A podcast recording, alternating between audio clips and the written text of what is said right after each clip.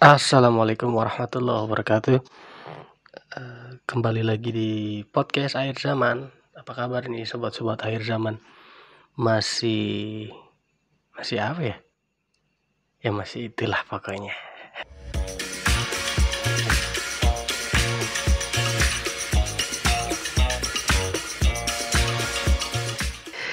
Oke, kita masih lanjut di pembahasan 10 tanda besar sebelum terjadinya kiamat kubro. Yang mana gue udah jelasin 4 tanda yang pertama. 4 tanda dari 10 tanda lah gue nggak tahu itu bakal terjadi dulu atau tidak. Yang pertama adalah Duhan, yang kedua itu Dajjal, habis itu turunnya Nabi Isa alaihissalam, terus yang terakhir keluarnya Ya'juj dan Ma'juj karena temboknya udah dijebol.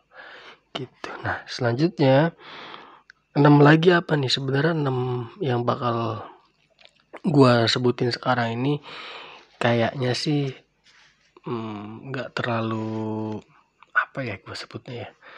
Nggak terlalu harus dipikirin. Karena kemungkinan besar kalau lu udah masuk di zaman Nabi Isa dan lu beriman ngikutin Nabi Isa lah maksudnya ya karena kan saat, saat Dajjal dibunuh dan di eranya Nabi Isa itu semua orang kan akan beriman dengan satu agama saja. Jadi selama lu ngikutin Nabi Isa terus nggak nyeleweng ke sana kemari insya Allah hidup lu udah aman. Gak mungkin dah tuh lu masuk ke golongan orang-orang yang meninggal di hari kiamat Oke nggak usah lama-lama langsung gue sebutin aja 6 tanda lainnya apa. Karena yang empat udah gue sebutin kemarin jadi gue langsung sebut yang kelima ya. Yang kelima menurut referensi yang gue baca adalah setelah Yajuj Majuj keluar ya terus dibunuh sama Allah sesuai dengan caranya yang kemarin hadis yang gue bacain adalah nanti kan Nabi Isa meninggal nih. Set Nabi Isa meninggal Imam Hadi juga meninggal.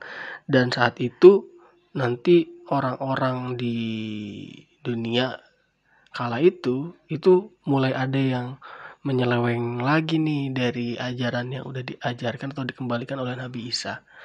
Untuk menyembah Allah. Nanti dia menyeleweng lagi. Ada yang nyembah patung lagi. Ada yang nyembah apa lagi. Pokoknya banyak banyak yang menyeleweng lah ya. Nah saat-saat itulah tanda kelima ini muncul, yakni adalah terbitnya matahari dari arah tenggelamnya atau dari barat. Gue baca satu hadis sahih, kurang lebih hadisnya berbicara seperti ini. Dari Abu Hurairah, Rasulullah Shallallahu Alaihi Wasallam bersabda, hari kiamat tidak akan terjadi sampai matahari terbit dari arah tenggelamnya atau dari arah barat. Ketika matahari itu terbit dan orang-orang melihatnya, maka mereka semuanya beriman. Dan itulah saat yang tidak bermanfaat bagi manusia keimanannya. Jadi orang-orang ini sebenarnya tahu gitu. Kalau saya bentar lagi kiamat dan salah satu tanda besar kiamat adalah uh, matahari terbit dari barat. Cuma masalahnya mereka ini nggak memperkuat iman dan amal ibadahnya di kala itu. Makanya di sini kan kenceng banget nih kalimatnya mengatakan maka mereka semuanya beriman setelah melihat matahari terbit dari barat. Padahal ketika matahari sudah terbit dari barat, amal ibadah sudah tidak diterima atau dianggap sia-sia. Dan gak lama dari itu, setelah matahari terbit dari barat nih ya, yang terjadi selanjutnya adalah munculnya binatang melata dijelaskan dalam surat An-Naml surat ke-27 ayat 82. Kurang lebih artinya mengatakan dan apabila ketetapan telah jatuh diputuskan terhadap mereka, kami keluarkan sejenis binatang melata dari bumi yang akan mengatakan kepada mereka bahwa sesungguhnya manusia dahulu tidak yakin kepada ayat-ayat kami atau dalam arti ini ayat-ayat Allah. Penjelasan dari ayat ini sudah sangat jelas men bahwasanya setelah matahari terbit dari barat, manusia kan bergegas tuh pada beribadah beriman. Padahal sudah tidak diterima. nah, jadi manusia itu beriman kembali menyembah Allah. Mereka yang apa namanya sempat khilaf lah ya jadi kembali aduh gue gue harus sholat nih aduh gue harus puasa nih aduh gue harus beribadah padahal saat itu udah gak diterima dan gak lama kemudian muncul binatang melata satu hadis Hasan menjelaskan bahwasanya binatang melata ini nanti akan menstempel orang-orang yang masih hidup di zaman itu dengan stempel beriman atau tidak beriman. Kurang lebih hadis Hasannya itu mengatakan seperti ini. Binatang melata akan muncul. Bersamanya ada cincin stempel Sulaiman dan tongkat Musa. Jadi dia bawa cincin stempel Nabi Sulaiman sama tongkatnya Nabi Musa. Lantas ia menjadikan cemerlang wajah orang beriman dan mestempel hidung orang kafir dengan cincin itu. Sampai benar-benar para pengkhianat berkumpul dan berkata, inilah wahai mukmin, inilah wahai kafir. Gitu. Jadi kecap benar tuh sama si binatang melata ini dengan cincin Nabi Sulaiman yang dia bawa dan tongkat Nabi Musa yang dia bawa dia stempel orang-orang di kala itu ngecap lu beriman lu kafir gitu. Tinggal lama doang tuh. Eh, binatang melata itu munculnya tuh. Katanya sih tiga hari ya. Ada beberapa riwayat dijelasin.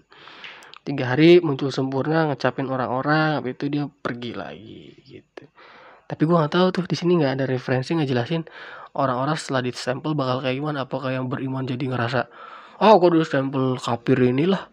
Udahlah maksiat aja. Begitu. Ah gua udah beri, dicap beriman. Gue juga mau ini udah bisa beriman jadi mikirnya kan udah aman kali ya. Dia ramat oh lu maksiat lagi aja gitu. Enggak lah ya gue nggak tahu lah. Ya pokoknya itu kan masih ya imajinasi imajinasi kita lah ya yang jelas nanti si binatang melata itu bakal ngecepin orang-orang nah apa yang terjadi selanjutnya setelah binatang melata muncul tadi berarti gue udah sebutin berapa tuh udah sebutin yang pertama matahari terbit dari barat Begitu binatang-binatang muncul baru dua ya, masih ada empat lagi ya. Nah, yang ketiga atau kalau gitu berarti yang ketujuh berarti ya. Yang ketujuh adalah runtuhnya Ka'bah. Dan siapakah yang meruntuhkan Ka'bah itu? Diriwayatkan dalam satu hadis sahih kurang lebih hadisnya mengatakan seperti ini. Ka'bah dirobohkan oleh Zeus Suwaikotain. Hmm, yakni orang yang memiliki dua betis yang sangat kecil atau lemah dari Habasyah. Nanti ini nih dia bakal ngancurin Ka'bah perlahan-lahan. Bagaimana dia cara menghancurkannya? Kurang lebih kalimatnya bilangnya seperti ini. Seolah-olah aku sekarang ini melihatnya orang itu berkulit hitam dan renggang kedua betisnya mendongkel batu-batu Ka'bah satu demi satu.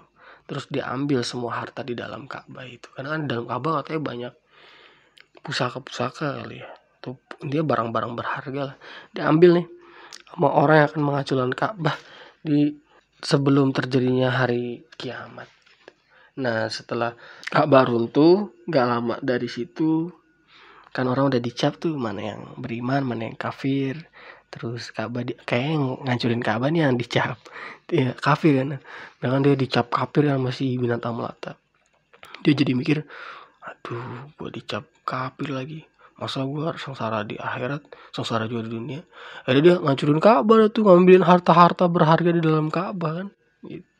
ini ada capnya tuh di hidungnya tuh cap uh, dua betis yang kecil uh, kafir gitu. Apa sih?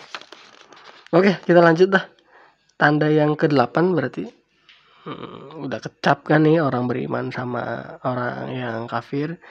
Nggak lama dari situ maka Allah turunkan angin lembut yang mencabut nyawa orang-orang yang beriman. Nah bagaimana hadis yang berbicara? Angin lembut seperti apa yang dimaksud? Hadisnya sahih mengatakan seperti ini.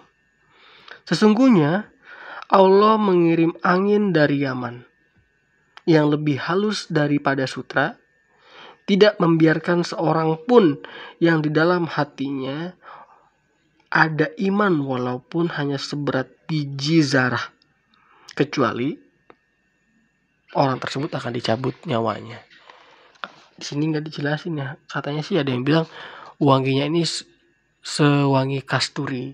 lebih wangi dari kasturi atau sewangi kasturi lah pokoknya wangi lah intinya selembut sutra jadi yang beriman di hari-hari akhir tuh akan meninggal dengan nikmat karena mencium wangi dari angin ini itulah sebabnya tadi gue bilang kayaknya setelah Nabi Isa turun menyempurnakan agama di seluruh dunia menjadi cuma satu agama aja. Asal kita patuh ya terhadap Isa Nabi Isa dan Imam Mahdi itu insya Allah kita bakal kalau meninggal setelah Nabi Isa ya bakal meninggal karena ini sob. Karena angin dari Yaman ini.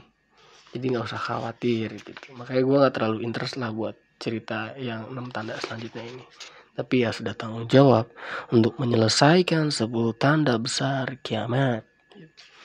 Delapan ya masih ada dua lagi ya. Apa ya? Di sini nggak ada nih. Oh ada nih ada ada. Jadi tanda yang kesembilan adalah munculnya api yang mengumpulkan manusia. Gitu. Jadi dikumpulin manusia sama api-api ini jadi api ini akan menggiring manusia ke satu tempat tertentu untuk kemudian nanti setelah uh, manusia dikumpulkan di titik tersebut itu bakal terjadi kiamat di satu tempat saja dan itu adalah golongan manusia yang sebaik eh, yang seburuk-buruknya manusia. Nah, api ini kan bakal ngiring manusia ke satu titik aja ya. Ini nanti di titik terakhir ini dia bakal di manusia yang ngumpul ya ini kan udah benar-benar seburuk-buruk manusia ya karena manusia yang baik sama Allah di, udah dimeninggalin lewat angin yang wangi atau selembut sutra tadi. Nah, setelah manusia berkumpul di satu titik karena digiring oleh api ini barulah kiamat kubro dilaksanakan oleh Allah ditiupnya sasangkala trompet sasangkala yang pertama yang kedua sampai akhirnya benar-benar kiamat terjadi. Sesuai dengan hadis-hadis yang udah teman-teman ketahui bagaimana kiamat terlaksana hingga akhirnya manusia dibangkitkan kembali lalu dikumpulkan di padang mahsyar. Sebenarnya tanda yang gue sebut ini baru sembilan.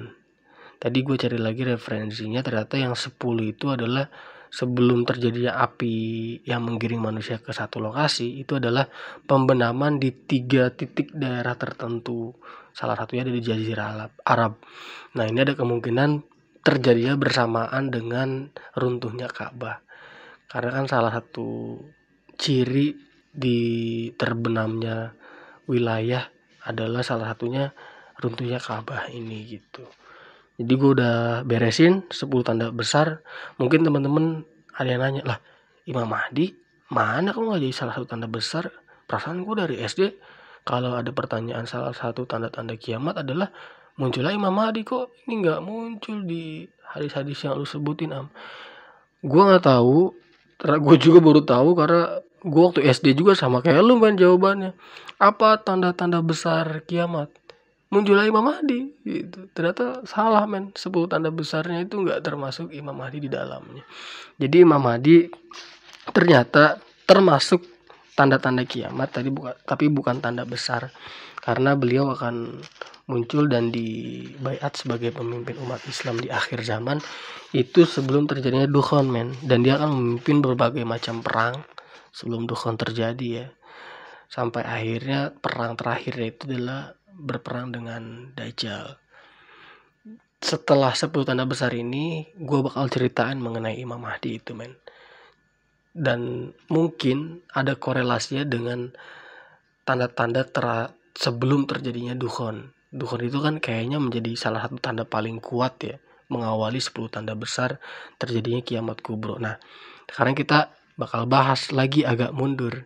Sebelum Dukhon terjadi, terjadi apa aja sih? Imam Mahdi di situ perannya di mana sih? Kapan dia muncul sih? Ciri-ciri dia muncul apa sih? Terus kita yang sudah tahu hadis-hadis mengenai beliau, hadis-hadis mengenai sebelum terjadinya dukhon, apa yang harus dilakukan? Apakah hanya terus mendengarkan podcast akhir zaman aja, terus melihat, wah sama nih kayak podcast akhir zaman, udah tidur lagi kan nggak mungkin dong pasti ada tindak lanjut dari hal yang sudah kita sharing di sini itu aja mungkin di episode yang keempat berarti ya. Tapi part ketiga dari 10 tanda besar kiamat. Ada satu hal yang pengen gue sharing main karena kita balik lagi harus gue ingetin udah masuk di eranya akhir zaman. Maka selain kembali terus gue mengajak untuk yuk bareng-bareng kita tingkatkan kembali ketakwaan amal ibadah dan sifat waro dalam melaksanakan segala kegiatan hal yang kita lakukan sehari-hari. Waro itu arti hati-hati ya. Hati-hati ini karena kan makin mendekati akhir zaman nih makin abu-abu men. Ini halal apa haram gitu mah ditingkatin lagi sifat waronya supaya kita benar-benar clear hanya melakukan hal-hal yang halal saja. Dan satu hal yang ingin gue sharing satu doa yang ingin gue share untuk teman-teman tapi gue nggak tahu hadisnya di mana tapi gue pernah dengar ya intinya gini. Untuk menghindari diri kita supaya di akhir zaman ini kalaupun masuk ke eranya dajjal kita nggak sampai ke bujuk rayu masuk ke kelompok dajjal adalah dengan terus merutinkan doa di setiap beres atahiyat terakhir.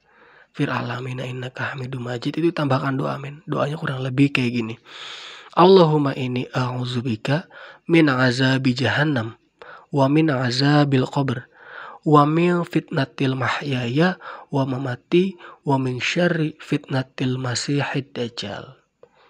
Semoga kalau teman-teman ngerutinin doa ini setelah ayat tahiyat terakhir sebelum salam ya, itu dihindari oleh Allah untuk menjadi kelompoknya Dajjal. Karena kalau kita udah masuk ke kelompok dajjal itu dijamin mati dalam kafir gitu.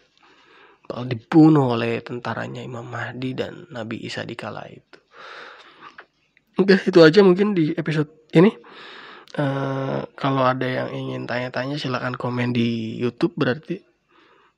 Dan jangan lupa untuk like, comment, and subscribe channel YouTube ini. Atau kalau udah kena di Spotify jangan lupa terus follow uh, akun podcast Irham dan Inka ini. Itu aja dari gua. Assalamualaikum warahmatullahi wabarakatuh.